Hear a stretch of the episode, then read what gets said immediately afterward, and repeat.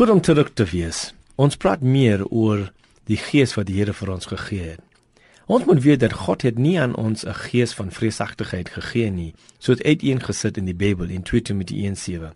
Ja, die koerante maak groot geld om slegte nuus te gee en speel op mense se vrese. Die 10 spione ons moet herinner wanneer hulle in die beloofde land was, het hulle gesien dat hulle was so springkrane. Maar ons moet God se perspektief kry oor ons omstandighede. In 'n boek wat ek het geskryf, daar was 'n man wie se naam was Mark Ingalls. En hy was die eerste persoon met 'n dubbele amputasie in die wêreld wat daarin kon slaag om Mount Everest te klim. Mark het beskryf want hy gedink het toe hy op Kersfeesdag 1982 wakker geword dat hy het 'n ongeluk op die berg Mankor in New Zealand was en hy sy bene verloor het. Hy het hierdie kragtige woorde gesê wat ek weet dat ons kan baie leer van. Daardie oggend, toe ek wakker geword het, het ek gesien dat ek geen bene onder my knieë het nie.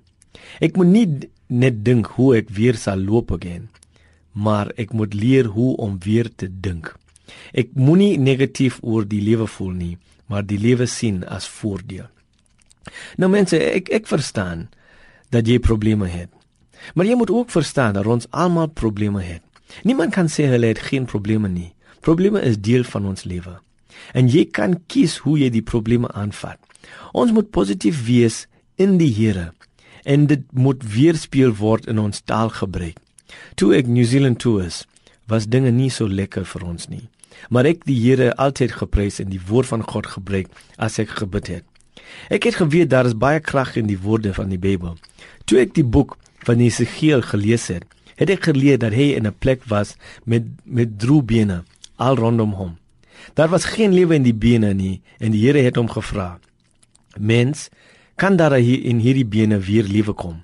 Ezekiel het geantwoord dat dit nie moontlik was nie, maar dat die Here dit kan doen.